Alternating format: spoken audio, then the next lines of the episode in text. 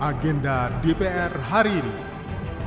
Uh, di mana beliau juga tadi menyampaikan komitmen untuk membangun IKN bersama-sama. Jadi komitmen untuk juga membantu Indonesia dalam membangun IKN, kemudian uh, membangun industri pertahanan yang mandiri uh, dan people to people contact. Jadi lebih banyak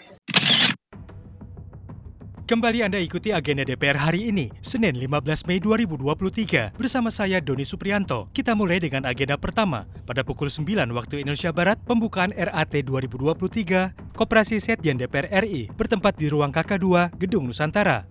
Berlanjut kita ke pukul 10 waktu Indonesia Barat, di mana BKSAP DPR RI menerima kunjungan House Democracy Partnership Amerika Serikat. Selanjutnya kita beralih ke pukul 11 waktu Indonesia Barat, di mana Komisi 1 menerima delegasi Parlemen Korea Selatan di ruang delegasi Nusantara 3, lantai 2. Dalam pertemuan tersebut mengemuka beberapa hal yang dibahas, seperti kerjasama Indonesia-Korea di bidang pertahanan, komitmen Korea dalam membantu IKN, energi hijau, dan tenaga kerja Indonesia yang ada di Korea, seperti yang disampaikan Ketua Komisi 1 DPR RI, Mutia Hafiz berikut ini keamanan kawasan juga tadi menjadi isu yang kita uh, bahas bagaimana kita perlu menjaga uh, stabilitas keamanan di kawasan terutama dengan meningkatnya tensi di Laut Cina Selatan.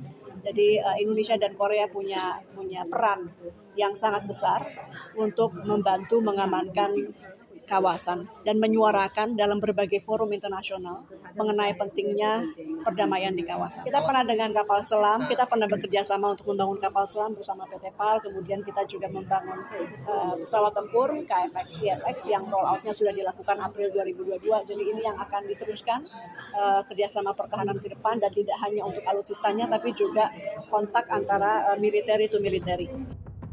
Demikian agenda DPR hari ini. Untuk informasi selengkapnya, simak dan ikuti media sosial TV dan radio parlemen. Saya Doni Suprianto. Sampai jumpa.